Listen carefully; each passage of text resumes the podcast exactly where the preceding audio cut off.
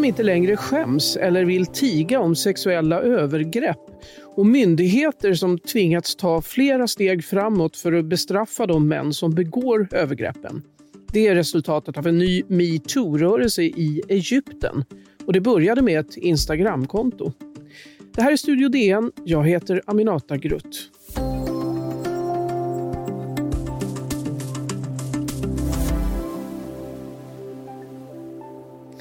Ja, det handlar om Egyptens metoo-rörelse i dagens Studio DN. Gäst är Erik Olsson, DNs Mellanöstern-korrespondent. Välkommen! Tack! Berätta, Egyptens metoo-uppror verkar ha åstadkommit ganska mycket på väldigt kort tid. Ja, det, det, får man säga.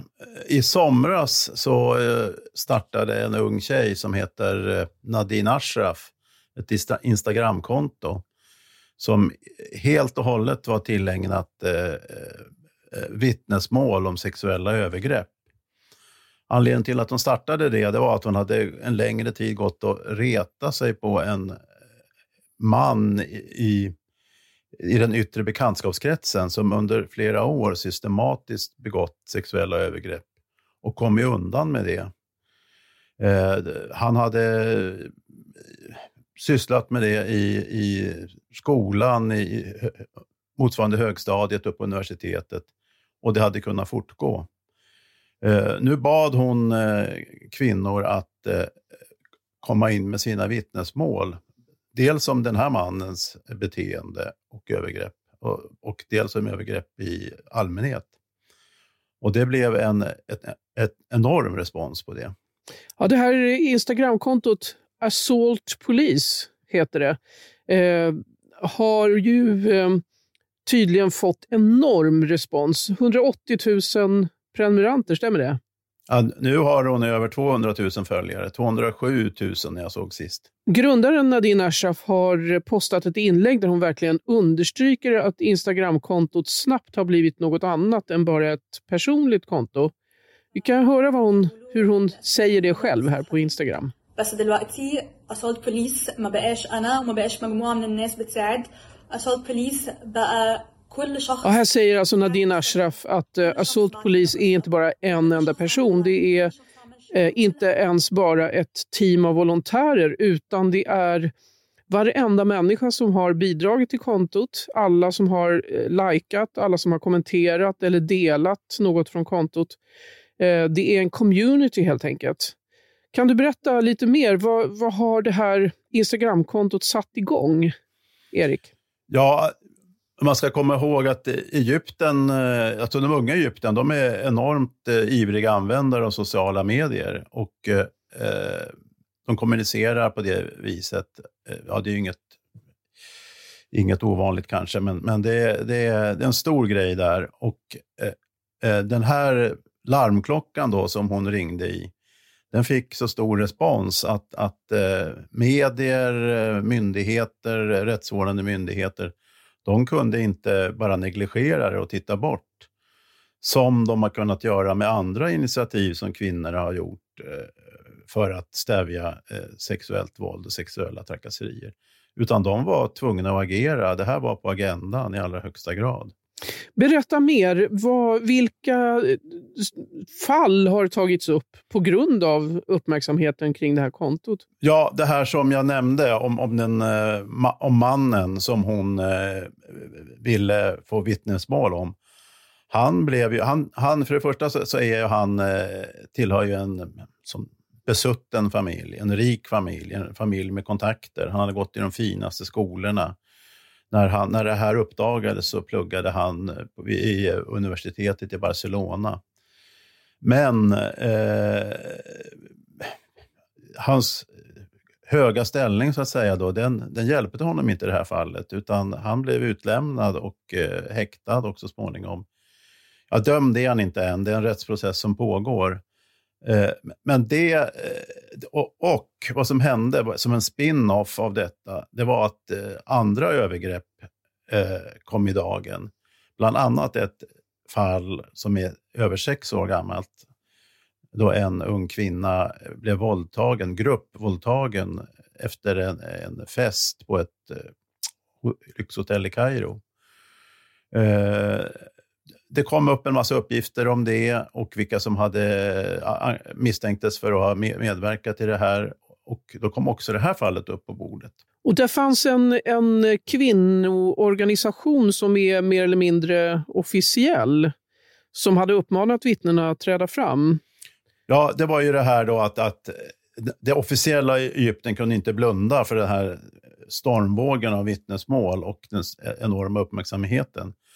Så då var det en institution som har funnits sedan i början på 2000-talet som heter National Council of Women, om man översätter det till engelska, Nationella kvinnorådet, eh, som ska främja kvinnors rättigheter. Och de sa att eh, om ni kommer till oss eh, så ska vi se till att det här, det här förs vidare. Men det gick inte riktigt så? Eh, ja och nej. De eh, nationella kvinnorådet eh, eh, pressade på åklagarmyndigheterna så att de lämnade ut män, de här männen som hade anklagades för att ha deltagit i den här gruppvåldtäkten. Några av dem hade, befann sig i Libanon. De blev utlämnade därifrån och de blev häktade. Men eh, vad som hände sen var att, eh, att eh, myndigheterna vände sig mot kvinnorna som hade gjort anmälningarna. Att de hade betett sig citat osedligt eller att de mer eller mindre hade sig själva att skylla. Eh, och de vittnen som, som hade bevittnat dessa övergrepp, de eh, blev också häktade. Så att plötsligt så, så var det kvinnorna som hade bevisbördan, de som var offren. Alltså. Och där står vi nu. Ja, finns det hopp om förändring på riktigt i Egypten? Vi är strax tillbaka och då ska det handla mer om vad kvinnornas metoo-uppror kan innebära på lite längre sikt.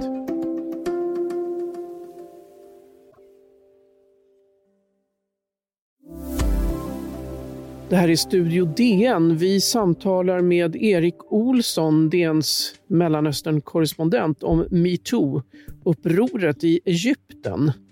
Det verkligt förvånansvärda du berättar nu i det fallet som handlar om en gruppvåldtäkt på ett lyxhotell i eh, Egypten var väl att då vittnena också fängslades. Hur gick det med det här fallet? Sitter de här vittnena fortfarande fängslade? Eh, några av vittnena har, har släppts, eh, men de är fortfarande misstänkta för brott. Två av vittnena är eh, fängslade sedan flera månader tillbaka eh, på väldigt oklara grunder. Man kan säga att en förklaring till det här är att eh, allting som, som har med sex att göra i Egypten är, är, blir på något vis betraktat som osedligt. oavsett om det, om det är våldtäkt eller sexövergrepp eller sextrakasserier eller liknande så, så, så blir det, får det liksom en osedlighetsstämpel som, som spiller över på den som drabbas. Och Det har väl delvis att göra med, med eh, tradition, att, att det, är, det är ett eh, ja, puritanskt samhälle. Eh, det är ett manssamhälle i allra högsta grad, där det är männen som styr, det är männen som bestämmer över kvinnorna. Och Det här har inneburit, tror jag, att, eller en del av förklaringen till att, att eh, den här bakvända situationen råder. Hur har den internationella opinionen reagerat, eller har den reagerat överhuvudtaget på det här? Alltså det har ju varit ganska lite, eh, lite rapporterat om det och det, det här briserade ju liksom i slutet av den amerikanska Eh, presidentvalskampanjen och sen har vi coronapandemin. Och, så att det har kommit lite i skymundan i, i den internationella nyhetsrapporteringen, tycker jag. Det har inte varit någon, några större manifestationer vad jag, vad jag har märkt eller sett. Vi talar ju om ett, ett land där det också inte är helt ovanligt att man kan faktiskt bli som ung kvinna till exempel gripen för att man har postat en dansvideo på TikTok. Ja, jo, men det är ju det här, det ligger ju i linje med det här som jag pratade om tidigare, det här att allting som anspelar på sex eller, eller kvinnor i vid mening alltså, eller att kvinnor överhuvudtaget tar sig rätten att göra någonting på egen hand, det, det misstänkliggörs. Om vi backar tillbaka till Instagramkontot, kan inte du beskriva vad det här Instagramkontot har gjort? Jo, det var ju som Nadine sa i det här korta klippet, att det har blivit mer än... Det började med fokus på, på en enskild förövare. Och sen har det blivit någon slags eh, ja, kvinnouniversitet där kvinnor utbyter erfarenheter och, och där de får lära sig om det här med nätstalkning till exempel och utpressning, att man använder ut, hotar med att skicka fejkade eller riktiga lättklädda bilder om man inte får som man vill. Alltså förövare gör det. Det här upplyser de om. Så att det har, i, i vid mening har det ju fått en, en uh, upplysande uh, ja, effekt, mission. Har det bidragit till att öka opinionen då? då? Eller hjälpt till att trycka på myndigheterna? Det tror jag att det har gjort, eh, definitivt. Det, det, har ju funnits, eh, det har ju funnits eh, opinionsbildare tidigare, men de har liksom aldrig fått någon röst. De har aldrig kommit fram i det offentliga samtalet. Det här är, är någonting som hörs och syns. Men tyvärr är det ju så att e- Egypten idag är ju ett mycket, mycket auktoritärt land där all opposition slås ner. Och därför tycker jag att de är väldigt modiga, de här kvinnorna, för att de riskerar ju faktiskt ganska mycket med att gå ut och, och, och vittna och upplysa om, om eh, sexövergrepp och sextrakasserier på det sätt de gör.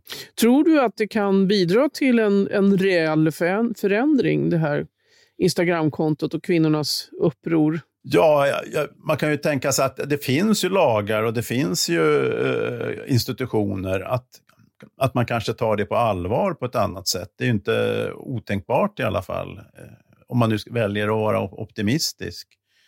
Sen om man är pessimistisk så är det som sagt ett väldigt, just nu, repressivt samhälle. Men, men det varar väl inte för evigt. Det här är ju ett sätt att, att eh, visa en annan sida så ett annat frö. Ja, det är som du säger, det har tidigare varit en ganska brutal policy mot all opposition. Eh, men i det här fallet så kanske vi kan vara mer positiva alltså? Ja, ja det är svårt att säga faktiskt. Men, men jag, jag tycker i alla fall att eh, kvinnorna är värda all beundran och att det kan ju leda till någonting. Eh, det är ju ingen... Bara det att, att rösten höjs betyder ju någonting. Tack så mycket DNs Mellanöstern-korrespondent Erik Olsson. Och mer om de här rättsfallen som lyftes fram under metoo-rörelsen i Egypten kan ni läsa i DN lördag eller på dn.se. Studio DN görs för Podplay. Producent Sabina Marmelakai, exekutiv producent Augustin Erba, ljudtekniker Patrik Miesenberger, teknik Jonas Lindskog, Bauer Media och jag heter Aminata Grutt.